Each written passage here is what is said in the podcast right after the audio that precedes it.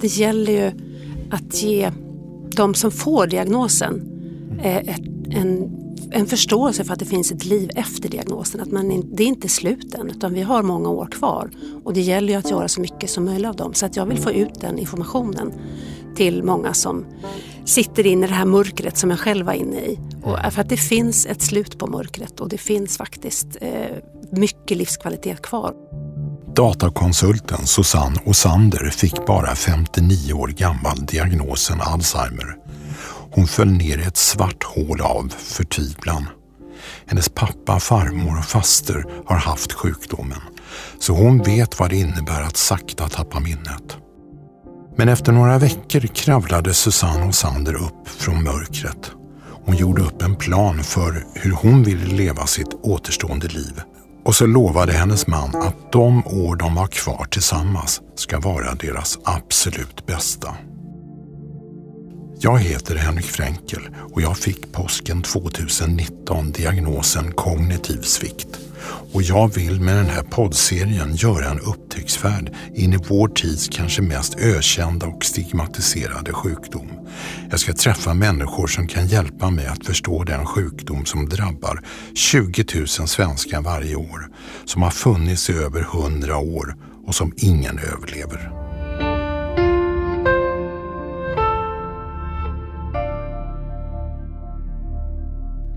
Och här i studion så har jag Susanne Osander. Välkommen! Tack så mycket! Jag hörde dig på radion för några månader sedan. Du var med i ett program från Vetenskapsradion. Du berättade att du hade fått diagnosen Alzheimer när du bara var 59 år gammal. Men det jag fäste mig vid var att du hade sån sprudlande livsaptit. Du sa att din livskvalitet är bättre idag än före diagnosen. Och det är ju lite svårt att förstå. Ja, eller? Ja, kanske. Men jag fick mig en ordentlig tankeställare när jag fick min diagnos och insåg att antingen kan jag sitta här och vara ledsen och gråta mm. eller så kan jag fundera på vad vill jag göra med resten av mitt liv? Och vi lever bara här och nu så det handlar ju om att vara i nuet och inte i tankarna. Mm. Men alla vet ju liksom du att uh, Alzheimer är en, det är en dödlig sjukdom. Ja, men vi ska alla dö. Okay. Sen är det bara frågan om när och jag menar alla friska sitter ju inte och ledsnar för att de ska dö. Och jag känner inte att jag... Nej, jag, jag, det gäller ju att göra någonting av den tiden tills den dagen vi dör. Men jag kan bli överkörd av en buss imorgon. Mm. Så att, eh, att hänga upp mig på det tycker jag är, det är naturligt. Mm. Eh, vi ska prata om livet. Vi kommer också prata lite, lite om, om döden också. Jag har gjort över 30 poddar med mängder av forskare och läkare, och makthavare, och kända anhöriga som drottning Silvia och finansministern. Och så har jag träffat här i studion patienter men då ihop med sin partner. Men det här är första gången jag har en ensam patient mitt emot mig. Och det känns ju unikt men också lite märkligt när man tänker på att över 20 000 svenskar får diagnosen Alzheimer varje år. Så Susanne, varför är det så få patienter som är synliga? Jag tror att väldigt många är rädda och sen så kanske många får diagnoser lite senare än vad jag har fått också så att de redan är sjuka. Så jag tror att många också är rädda för hur vänner och bekantskapskrets ska reagera mm. eh, när de vet att man, när man talar om att man har Alzheimers. Många, när jag berättade för bekanta så var det många som blev väldigt rädda och började prata om sin egen mm. eh, rädsla för Alzheimer, att de själva hade det. Mm. Och jag tror att det är nog det som många är rädda för. Man vill fortsätta vara sig själv, man vill inte vara en prognos. Eller en diagnos heter det. Ja, kanske en prognos också. Ja, i och för sig. Ja. Men varför har du valt att träda fram och berätta din historia?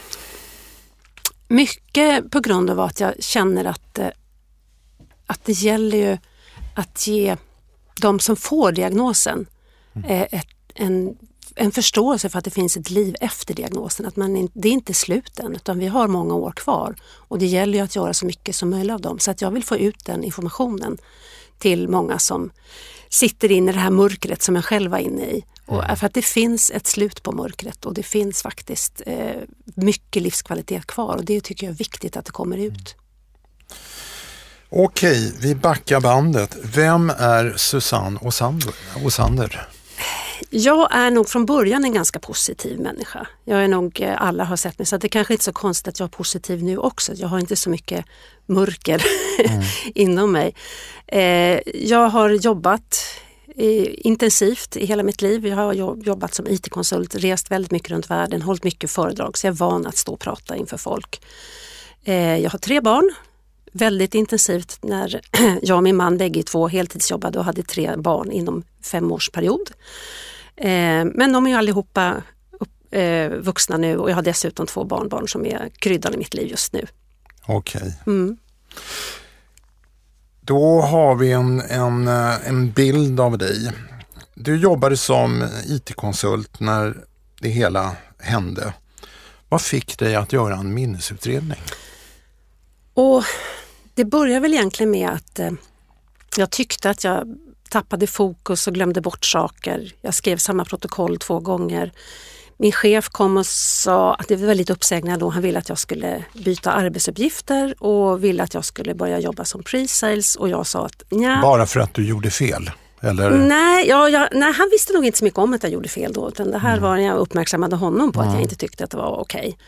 Så att, eh, att jag skulle byta arbetsuppgifter berodde på att det var neddragningar på det företaget. Mm.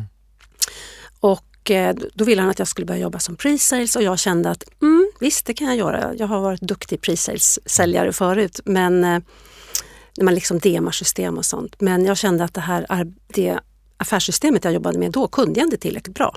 Mm. Och då tyckte han att ja men då får du två veckor på dig att lära dig det och då skrattade jag så att herregud jag behöver ett halvår. Och då mm. sa jag att jag hade minnesproblem och då började en minnesutredning. Mest, eller från början gick jag till en kurator som skulle, hon trodde att jag hade gått in i väggen. Mm. Och sen, eh, men var det arbetsgivaren som uppmanade dig att gå till och göra en minnesutredning? Nej, inte minnesutredningen utan eh, till den här kuratorn egentligen ja. från början. Och sen så kände jag, att, som du sa förut, så har jag ju väldigt mycket Alzheimers i släkten. Ja. Och då kände jag, för att jag gick då till, eh, eh vad heter det, vård, vårdcentralen ja. och där fick jag göra den första minnesutredningen. Hon trodde inte heller att jag hade Alzheimers men hon sa att om jag var orolig så fick jag göra en riktig minnesutredning. Och med tanke på min släktsituation så ville jag göra det. Mest, inte för att jag kanske trodde det utan för att jag ville slippa stressen att ha det i bakhuvudet. Mm. Att det kanske var det. Så du hoppades att det inte var det? Ja, det gjorde jag. Ja. Men berätta lite mer om dina symptom som du upplevde. Nej, men jag upplevde att jag hade svårt att koncentrera mig, svårt att få saker gjorda. Eh, ett typiskt exempel var att jag skulle skriva ett protokoll och så upptäckte jag att jag redan hade skrivit det. Mm. Eh, och det är ju inte speciellt sunt. Mm. Sen har mitt minne alltid varit ganska dåligt, ska jag mm. erkänna, mm. även långt innan jag fått min diagnos. Mm.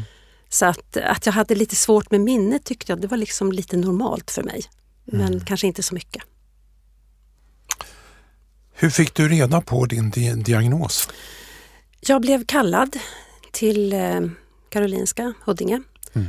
Och eh, tyvärr så, i och med att jag själv trodde att jag kanske inte hade eh, mm. Alzheimer så var jag där själv. Mm. Men, eh, Därför det står ju i kallelsen att man ska ta med en anhörig. Ja, antingen så hade jag blundat för det eller struntat i det, jag vet ja. inte. Jag, jag, var där själv i varje fall. Men det var samma för mig också. Ja. Jag såg inte riktigt det. Nej, eller jag ville kanske inte säga, jag vet inte.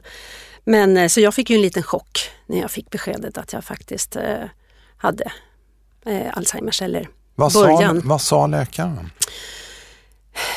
Alltså det är lite svarta, jag minns inte exakt vad de sa. De pratade lite och vad hon sa, det, och det var ju kanske det värsta, att hon började prata om att jag skulle göra körkortsprov inom ett år och fråga om jag hade vapen hemma. Okay. Det tyckte jag var lite magstarkt. det, det var lite då, snabbt. Ja, det var lite snabbt. Så då, då fick jag väl en, en rejäl chock kan ja, vi säga. Ja. Ehm, och kände, och jag fick med mig lite broschyrer Ehm, och som jag är och speciellt har jobbat i IT-världen så började jag ju googla alltihopa och jag vet inte om det var en broschyr eller om jag hittade på nätet att jag medellivslängden efter en diagnos var sju år. Mm. Så då gick jag in i ett svart hål. Men om vi stannar i själva stunden med läkaren, vad minns du? Jag minns att jag... Hon såg mest och tittade på mig och tyckte, såg ut att tycka synd om mig. Okej. Det, det är väl vad jag minns av henne och att hon var liksom skulle ta hand om henne och sådär. Och att jag fick eh, tid hos kuratorn efteråt, så jag fick prata med en kurator. Var hon rädd för att du skulle bryta ihop? Ja, jag tror det. Jag tror det. Faktiskt. så att hon skulle tvingas trösta dig? Ja, lite granna. Så. Ja. Vad hörde du? Liksom, vilka, vilka ord har fastnat i ditt minne? Ja, eller, var- är, eller är det bara borta? Nej, nej, det var väl att hon sa att jag har trolig Alzheimer. Ja. Och hon frågade om vapen och, eh, och körkort. Det är, liksom, det är det jag tydligt minns. Och du hade gjort ett stick i ryggen Mm, det hade jag Då? gjort. Ja, så att de hade sett i biomarkörerna i ryggvätskan ja precis. att du bar spår på Ja. eh, en kommande Ja. Alzheimer. Och det var på grund av den som jag fick min diagnos. Mm. Eh, vad visste du om sjukdomen när, när du satt där och fick det i ansiktet? Ja, jag visste ju en hel del på grund av att jag har så pass mycket i släkten. Ja. Eh, jag har en mardrömsbild från min egen farmor Ja. som fick det, hon var väl kanske 70 och eh, hon, hon var så sjuk så länge och min pappa och hans syskon besökte inte henne. Jag åkte upp till sjukhuset. Och jag kommer ihåg första gången jag åkte dit, då låg hon inlagd på Norrtälje sjukhus och jag kom dit med min förstfödda barn. Och vi ville visa upp det här barnet för farmor. Och hon fattade ju ingenting. Hon började gråta och skulle gå hem till sin mamma och pappa. Och från att ha legat tryggt och sovit så blev hon jätteupprörd och sprang omkring. Så det var, det var verkligen inte roligt. Och sen eh, var jag faktiskt inte där på tio år. Och då ville min dotter igen då, som då var tio år, tyckte hon att nu vill jag träffa min, min eh, vad blir det, farmors, mor, farfars mor blir det ju. Mm. Nej, morfars mor. Mm.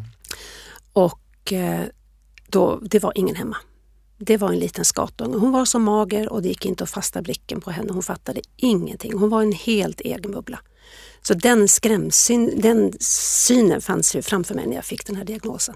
Det var den bilden du Ja. hade framför dig. Det var farmor som ligger där som ett, ett kolli. Och vad kände du då? då? Livrädd. Livrädd. Och vad låg i den rädslan? Framförallt så är det ju, ska min, min man och mina barn, mina barnbarn, uff, nu blir jag nästan gråtig, eh, behöva se det. Eh, jag vill inte ligga någon till last. Och eh, jag känner att liksom, jag är så pass ung så jag vill ha många år kvar att leva. Bra liv. Så att det var, jag, usch, fortfarande blir jag ledsen när jag tänker på det men jag tror att det är en sorg man måste gå igenom. Eh, och det var jobbigt. Och jag tror att det är jobbigt. Alla får den känslan som jag fick då och som jag får nu igen när jag tänker på det. Jag ser det. Mm. Efter besöket så åker du hem. Va, vad gjorde du? Jag åkte hem och berättade för min man som nog inte riktigt tog till sig det direkt han fick beskedet. Hur berättar man för sin man eller för sin partner? Jag sa det nog bara rakt ut. Jag sa att nej, det var så. Jag hade Alzheimers. Okej, sa han. Han var nog lite chockad.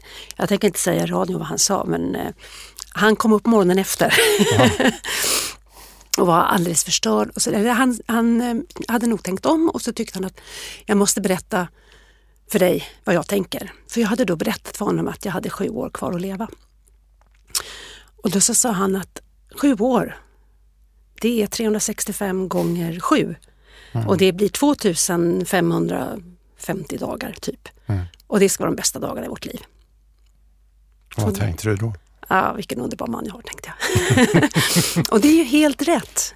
Han, han fick mig redan då att börja tänka efter att jag är inte död ännu. och jag har många år kvar. Och det gäller ju att göra det bästa utav dem. Och barnen då? Det var faktiskt min, jag frågade min man sist, jag kommer inte ihåg att jag berättade för dem. Det var han som berättade för dem. Han berättade att de blev väldigt ledsna. Förstås, men vi pratade inte så mycket direkt då. De har ju flyttat hemifrån och sådär. Och jag, jag är lite mest rädd för att de också ska vara oroliga att de ärver det här och, och sådana saker. Men eh, jag har jättefin kontakt med dem idag. Och de tycker inte att de märker så mycket på mig. Säger de i alla fall. Har ni haft långa samtal om det? Nej, inte så mycket faktiskt. Det har vi inte. Mm. Sen föll du ner i ett svart hål har du berättat för mig. Mm. Vad fanns i det där hålet?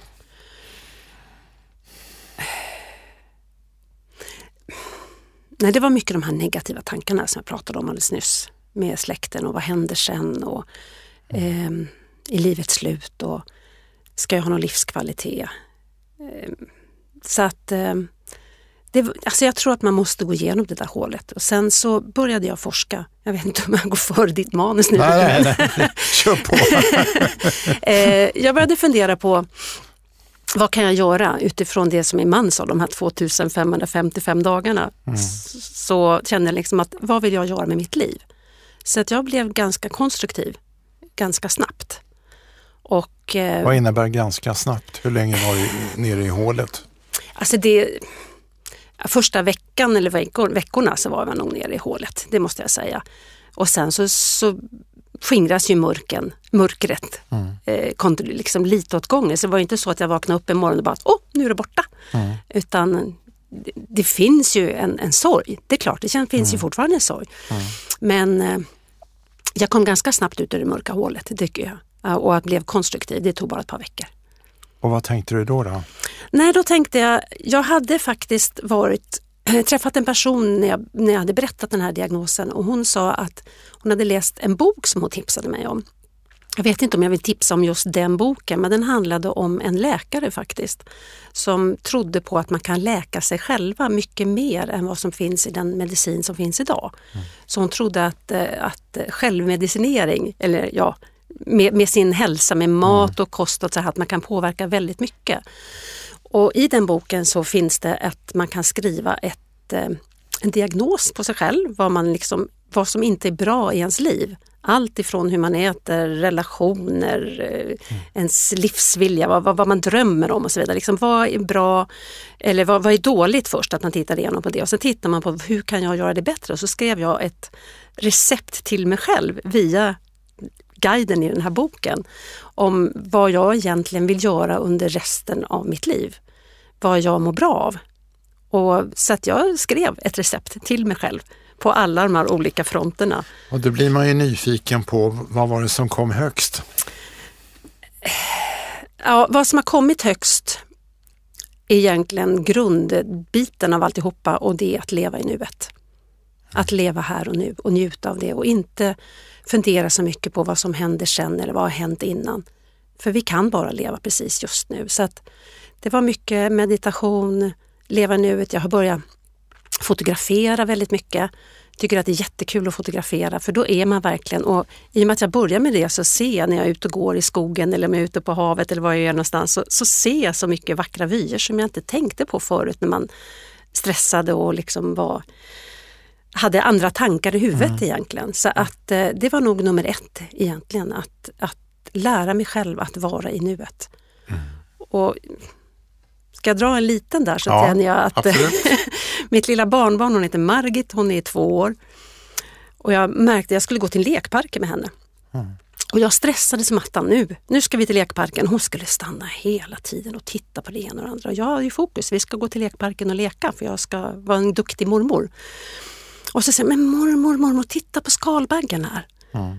Och, och, då stannade jag och tittade på den här skalbaggen och så insåg jag att herregud, hon är ju här och nu. Hon är inte mm. på lekparken än mm. utan hon är här och tittar på saker. Så det var en riktig aha-upplevelse för mig. Jag vet, mm. jag har fem barnbarn. Oj! Jag, jag har aldrig tittat på så mycket myror i mitt liv. Visst är det underbart? Faktiskt. Jag visste inte att man kunde stå fem minuter och titta på en myra. Men Nej. det kan man. Det kan man. ja. Men du och din man satte igång med en mängd aktiviteter också. Varför det? Nej, men det var väl lite för att få livskvaliteten. Vi, ja. eh, första året där så bokade vi in ett helt antal resor. Vi åkte upp till Lofoten och vandrade och vi åkte med vänner upp och gick och tittade på vattenfall uppe i, i fjällen. Och vi åkte skidor i Norge. Mm. Så att eh, vi, vi, vi gjorde mycket resor som, eh, som var jättehärliga. Man, på ett sätt kan man ju säga, skulle jag vara terapeut så skulle jag säga, men det där är en flykt. Nej, inte om man är i nuet när man åker skidor. Okay. Eller när man är ute och går på Lofoten och så vidare. Så att jag, nej, jag vet inte om jag tycker att det är en flykt. Inte men, när man njuter av varje stund. Men kunde du skaka dig av med det här mörka molnet? Fanns inte sjukdomen längre? Nej, inte så mycket då. Mm. Tycker jag faktiskt inte. Mm. Um, utan det är mer när man sitter så här och börjar tänka på det hela. Men mm. ja, det kanske är lite av en flykt. Eller så inte, jag menar alla människor tänker väl inte på döden hela tiden och om man roar sig så är man på flykt från döden. Så är det ju inte. Nej. Du läste att uh, får man en diagnos så har man sju, kanske sju friska år. Det har gått tre sedan du fick diagnosen. Då skulle du egentligen bara ha fyra, år, fyra friska år. Vad tänker du om det? Jag tror inte det. du tror inte på det där? Nej, det beror väl kanske på hur sjuk man var när man fick diagnosen. Ja. Jag fick den ju hyggligt tidigt. Ja. Och sen tror jag, som jag pratade om innan, att jag tror att man kan faktiskt påverka väldigt mycket själv beroende på hur man lever. Ehm, jag tränar mycket, jag äter sunt, jag äter antiinflammatoriskt. Och vad är det? Ehm. Berätta lite om kosten. Kosten är väl lite att egentligen undvika det som vi har börjat äta i västerlandet de senaste 150 åren. Väldigt mycket vetemjöl, mjölk eh, som, som jag undviker helt enkelt. Och mindre kött. Mm. Det är väl så. Men sen, sen är jag inte sådär jättehård. Jag menar ibland så när någon kommer och har bakat en kaka som det finns lite vetemjöl i, det är klart att jag äter den. Men jag äter inte frukostmackor varje morgon. Äter du glass? Ja, det gör jag. det är svårt att undvika. Ja, så att jag, jag, ska, jag tror inte att man ska vara rigid. Ja. Men man, man kan ju dra ner på mängderna. Mm. Du jobbar alltså med data som man säger, IT. Eh, och du hade en fin karriär bakom det. Eh, vad hände sen då? Du, du sa att du blev uppsagd. Mm. På grund av arbetsbrist? Ja, på grund av arbetsbrist. Det var det. Ehm, på grund, det var väldigt många utav personalen som hade sagt upp sig. Mm. Utav de som var under mig. Mm. Och vi kunde liksom inte vara tre chefer och hantera två stycken konsulter. ehm, så att eh, då blev jag uppsagd. Ehm, I samband med det så tyckte jag väl kanske att det fanns några som var kvar som hade gått eh, som hade varit anställda kortare tid än mig. Så jag gick faktiskt till facket. Mm. Och eh, fick väl en lite, en lite längre uppsägningstid. Mm. Och vad hände efter det då? Försökte du söka nytt jobb? Ja, jag försökte söka nytt jobb lite grann men eh, med en Alzheimers diagnos så är det inte så många som, som vill ha någon. Mm. så att eh, jag var... Men säger man det till en ny arbetsgivare? Nej, det gör man kanske inte. Men mm. i och med att jag också, jag sökte väl inte så mycket jobb i början och jag var ju sjukskriven initialt. Du är med i läkemedelsbolaget BioArctic studie kring en ny bromsmedicin. Hur kom du in där? Jag talade om på, på det sjukhuset där jag är att jag ville vara med i en eh, studie. Mm. Så att jag låg på lite, jag talade om det för läkaren, det hände ingenting så att efter något år så ringde jag upp forskningsenheten själv. Mm. Och då kom jag med i en första studie. Eller jag kom inte med den som jag först sökte till för då tyckte de inte att jag var tillräckligt, eh, jag hade inte tillräckligt kognitiv svikt. Mm. Men eh, till den andra så kom jag med. Varför vill du delta i den studien? Och det är ganska självklart. Dels är det rent egoistiskt. Att jag hoppas ju att jag ska få fler friska år. Mm. Att, man, att det förskjuter lite på själva insjuknandet. Mm. Det, det är mitt stora hopp. Och sen i och med att jag har tre barn och barnbarn så känner jag att det är otroligt viktigt att det kommer en, en medicin som faktiskt hjälper för det är så många människor som har Alzheimers. Mm. Så att det är otroligt viktigt att folk ställer upp på forskningen så att vi får en medicin. Mm. Om det inte fanns några som ställde upp så skulle vi aldrig få någon medicin. Nej. Så du åker till Huddinge sjukhus två gånger i månaden. Vad är det som händer där? Eh, jag Först träffar jag en läkare som kollar vad som har hänt under de sista två veckorna och sen så får jag ett dropp. Och det tar väl någon timme ungefär. Och droppet är de här antikropparna? Antingen så är det de här antikropparna som finns i eh, Barn 2401 heter det. Mm. Eller så är det placebo, det vet jag inte. Mm. Och eh, sen får jag vänta en halvtimme och så går så är jag där en förmiddag ungefär. Och ibland så är det mycket mer undersökningar. Då är det ju kognitiva tester och de kollar eh, hjärtrytm och de kollar blodprover och sådana här saker. Så att, eh, men oftast så är det bara att jag får droppet. Men tänk om det bara är placebo då? Ja, det är en bra fråga. Eh, är det bara placebo så är det så att har man varit med i studien så får man den riktiga medicinen eh, direkt när man har, har, gått färdigt och jag går ett och ett halvt år, jag har väl nästan ett halvår kvar. Mm. Så att då kommer jag få den riktiga medicinen om ett halvår.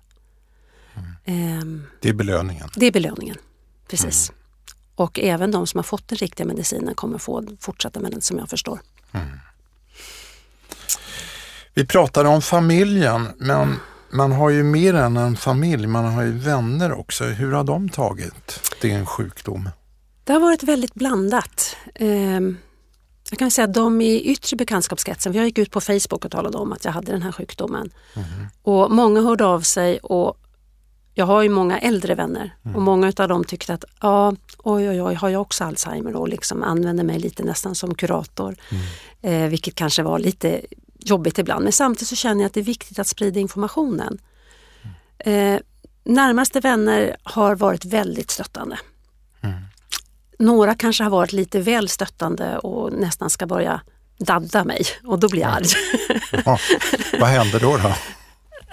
Nej, jag vill inte ta några specifika exempel men jag har sagt ifrån ibland att nej men herregud, låt mig. Jag, jag, jag klarar mig själv. Den dagen jag behöver hjälp så säger jag till, hoppas jag. Men de gör det i någon slags välmening? Ja, det är, ren, det är ren välmening och det förstår jag också. Men jag är fortfarande jag. Men du, du är observant på att uh, mm. kom inte och hjälp mig. Mm. Därför jag är frisk. Mm. Ja, frisk och frisk, men jag fungerar. Jag fungerar. Och jag säger till om jag behöver hjälp. Den ja. dagen jag är helt borta i huvudet, då kanske jag inte klarar av det, men än så länge klarar jag av det. Men jag misstänker att många i din ålder, i din bekantskapskrets, de är ju själva rädda för att drabbas. Absolut. Det, hur hur och hanterar det nog, du det då? När folk säger så, så säger jag det att gör som jag. Ja. Gå och gör ett minnestest istället för att gå och oroa dig. Ja. Så vet du sen, antingen kan du släppa den här oron eller så kan du göra någonting åt det och kanske komma med en forskning. Mm. Därför, jag kommer ihåg när jag fick min första diagnos som sen ändrades. Då ville alla mina vänner veta vad har du för symptom? Och sen räknade jag upp symptomen och då såg de livrädda ut. Ja, precis. de kände igen sig. ja, det är precis. Men så är det ju. Och det, det har jag också upplevt att väldigt många tycker att oj, oj, oj, har jag också det här? Men du sa att du har blivit kurator för dina vänner. Kurat, nej men det är lite det du säger, att man eh, talar om för dem vad de ska göra och hur de ska leva och sådär. Men samtidigt så känner jag det här med levnad, då får man liksom tänka efter. Det som har funkat för mig fungerar inte för andra utan man måste hitta sin egen väg mm. beroende på hur man vill må bättre i livet. Vi mm. har, vi har inte samma hobbys allihopa och vi äter inte likadant allihopa. Mm. Jag vet att du är med i ett projekt som heter Alzheimerguiden som även jag är, är med i. Och det har ju till uppgift att eh, förbättra eh, vården av de som eh, precis har fått en diagnos. Om, om vi går tillbaka till dagen då du fick din diagnos för tre år sedan. Många vittnar ju om, ungefär som du, hur, hur, hur rått det kan vara när, när sjukvården utdelar den här diagnosen. Man får det kanske mer eller mindre kastat i ansiktet. Och Det är många i vården som lyssnar på den här podden. Hur skulle du ha velat ha mötet med din läkare den där dagen? Oh, det har vi diskuterat mycket på Alzheimersguiden och det är många som har tyckt till om det. Ja. Och jag tror framförallt är det viktigt att man egentligen inte ger det här beskedet om någon inte har någon med sig. Mm. Då får man inte komma in, skulle jag vilja säga. I och med att man inte, jag minns inte riktigt vad läkaren sa om jag ska vara riktigt ärlig. Och sen så tycker jag att man inte kanske ska börja med att tala om körkort och vapen.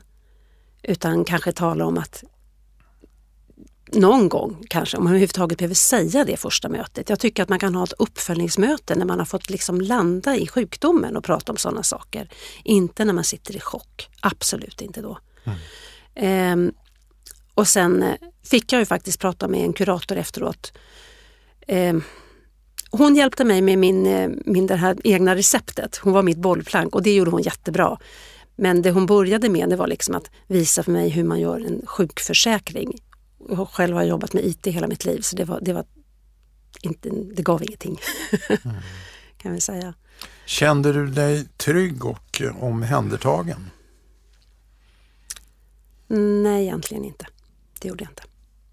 Vad hade behövts för att du skulle känna dig trygg? Ja, kanske en människa som är mera eh, empatisk och förstående. Och kanske att man skulle ha ringt min man och sett till att han kom dit. Jag körde faktiskt bil hem därifrån. Det är skandal tycker jag. Mm. Fast jag fick vänta en timme. Alltså? Mm. Jag fick inte köra direkt. Jag fick prata med kuratorn först. Mm. Jag cyklade hem. ja, men det är lite bättre i alla fall. det är lite bättre. eh. Många som har följt min patientresa i bloggen och i media har undrat varför jag gjorde en minnesutredning överhuvudtaget när det inte finns någon bot. Mm. Varför ska man göra en minnesutredning? Men det är ju för att, alltså för min del är jag jätteglad att jag gjorde minnesutredningen även om jag fick den här tråkiga diagnosen. För det mm. har ju fått mig att tänka om och jag tycker någonstans att i och med att jag har fått den här diagnosen och stannat upp livet och funderat vad som är viktigt för mig så har jag nästan bättre livskvalitet idag än vad jag hade innan den här. Jag säger inte att man ska göra en utredning för att få bättre livskvalitet mm. men då har man i varje fall möjlighet att fundera på vad man vill göra med sitt liv och man tvingas att göra det. Mm. Och att fortsätta och, springa och, och vara orolig. Mm. Det finns ingen mening med det utan det är bättre att ta reda på fakta. Mm. Men nu så ska det ju inom kort lanseras enkla blodtester för att utröna om man kommer att utveckla Alzheimer om kanske fem eller tio år. Och det innebär att många tusentals människor kommer att leva med en väldigt, väldigt tidig diagnos. Vad tänker du om det? Jag hoppas att man får avgöra själv om man vill göra den här testen eller mm. inte. Jag misstänker det. Det måste väl nästan vara. Mm. Och då tror jag att man får vara väldigt tydlig med de personerna att man kan få det här och och också att det finns, som den här Alzheimers-guiden tror jag kommer mm. bli jättebra. För där kan man själv läsa hur långt man vill och det, man känner då att det som står där är ju verifierat och riktigt. Mm. Så att man kanske får lite mer riktig data än vad jag fick som gick ut och googlade på nätet. Och Hur var det då? Ja, det var skräckhistorier. Asså. Det var skräckhistorier. Man läste ju bara om folk som hade dött och hur sjuka de var och sådana saker. Mm. Så att, eh, och det är de man fastnar, tyvärr. Det är de man ser först. Mm. Mm. Apropå skräckhistorier, nu tänkte jag vi skulle gå in i smärtpunkten i det här samtalet. Är det okej? Okay? Är du förberedd? Ja, okej. Okay. De som drabbas av cancer har idag mycket stora chanser att överleva. Med Alzheimer är det så att alla dör med eller av sjukdomen. Eh, och vad tänker du om det? När, när du liksom tänker, det är trots allt en dödsdom. Ja, det är det. Jag, jag kanske skjuter den ifrån mig lite för jag känner att, som jag sa förut, man kan ju bli överkörd av en buss imorgon mm. och vi ska alla dö. Men jag kommer kanske dö fortare eller tidigare än, än gemene man. Eh, jag är nog inte så rädd för döden, jag är rädd för perioden innan döden när man eh, inte känner igen folk längre och sånt där. Mm. Den fasar jag för.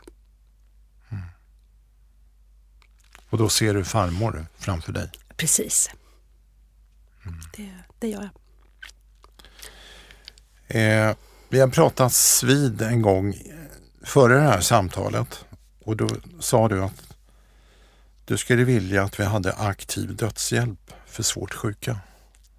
Vill du utveckla det? Ja, men det kan jag nog känna själv också. För jag känner att, som jag berättade om min farmor, Så hälsade inga av hennes barn på sig och de hade dåligt samvete och tyckte att det var jättejobbigt att hon låg där. Och jag tycker inte att det är värdigt. Hon hade inget som helst värdigt liv. Hon mm. låg bara och hade ont och kände inte igen någon och visste ingenting. Och, och till slut så visste hon inte ens att hon låg där. Hon var liksom helt borta. Och jag tycker inte att det, det är bättre att man får ta avsked av en människa. Men när den människan tycker att nu är inte mitt liv värd att leva längre. För om man inte minns något och inte vet något och inte känner igen något och man var kanske, nej, då, då, då, tycker jag att det är dags. Och jag, min mormor dog också Alzheimer. Där har en mycket trevligare historia. Jag kanske ska berätta en trevlig historia också. Mm. Hon var ganska olycklig så länge hon bodde hemma. Sen kom hon in på ett hem som var fantastiskt. Mm. Och hon var ganska frisk hela tiden hon var där. Så jag kommer ihåg någon gång jag var där, henne hälsade på väldigt ofta. någon gång så sa hon att Ja hörru du, jag vet inte hur jag ska göra Susie. Alla ger mig middag och jag har inte hunnit bjuda tillbaka. Jag får middag varenda dag, hur ska jag bära mig åt? Så hon var väldigt positiv. Mm. Och sen så sa läkaren till slut till min moster och mamma då var det att, liksom att eh, nu vill inte hon längre. Mm. Så att hon slutade faktiskt att äta. Mm. Och bara petade i maten och så vidare och var så pass dålig. Och då sa läkarna liksom, antingen så kör vi in henne och hon får dropp. Mm. Och då kanske hon lever i fyra, fem, sex månader till. Mm. Eller så, så tvingar vi henne inte att äta. Så det var ju nästan lite aktiv dödshjälp kan man säga. Man hade väl kanske förlängt hennes liv men hon, det var så tydligt att hon hade gett upp. Men då har du ju två parallella historier. Den ena är en skräckhistoria och den andra är ett ganska ljust minne. Ja, det är det faktiskt. För dig. Ja, det är ett ljust Så minne. vad är det som får dig att tänka i aktiv dödshjälp för din egen del? Det är att jag vill ha som mormor. och får inte som mormor. Nej, men hon, hon fick ju inte aktiv dödshjälp i form av, av ja. en spruta men man slutade med all, allt uppehållande. Hon fick ingen dropp, ingen näringsdryck eller någonting där. Så att, jag vet inte om, jag, om, om läkare får göra så egentligen men det tyckte jag, det, det, det är nästan vad jag kallar för aktiv dödshjälp. Eller kanske om man vill ännu tidigare men jag känner att så länge jag har minnet kvar mm. och, och kan fortfarande vara glad då vill jag inte ha aktiv dödshjälp. Men när jag sen är helt borta och tycker att livet är bäst mm. och vet att det inte finns något återvändo, då tycker jag att då är det dags. Jag misstänker att dina barn kommer lyssna på den här podden. Hur kommer de reagera på just det här resonemanget? Jag tror att de håller med mig. Vi har ganska lika åsikt. Jag är övertygad om det. Mm. Jag vill inte att de ska springa och känna att de har ett ansvar och titta på en kropp som bara ligger finns ingen som helst mening med det.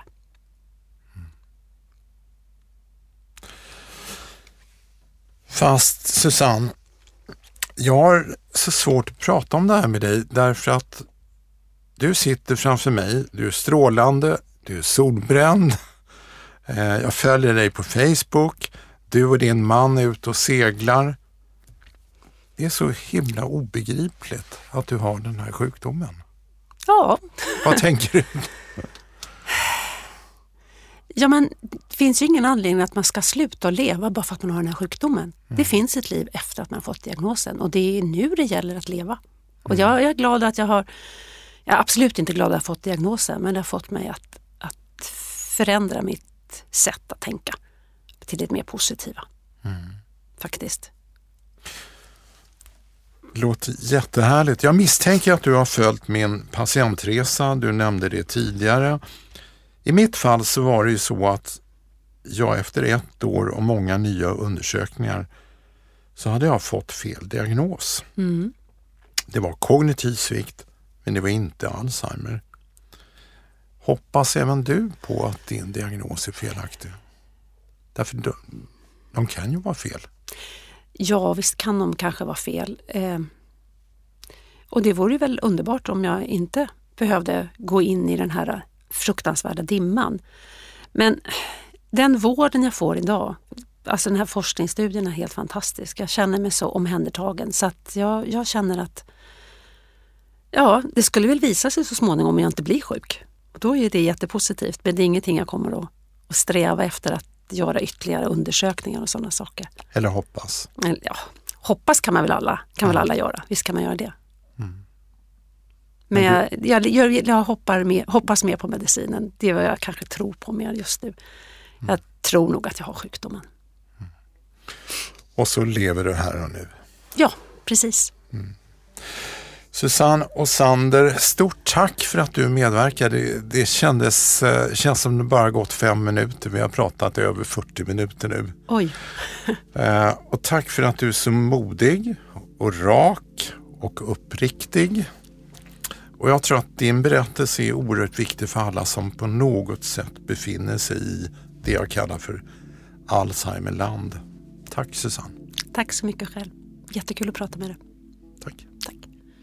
Och tack till alla ni som har lyssnat.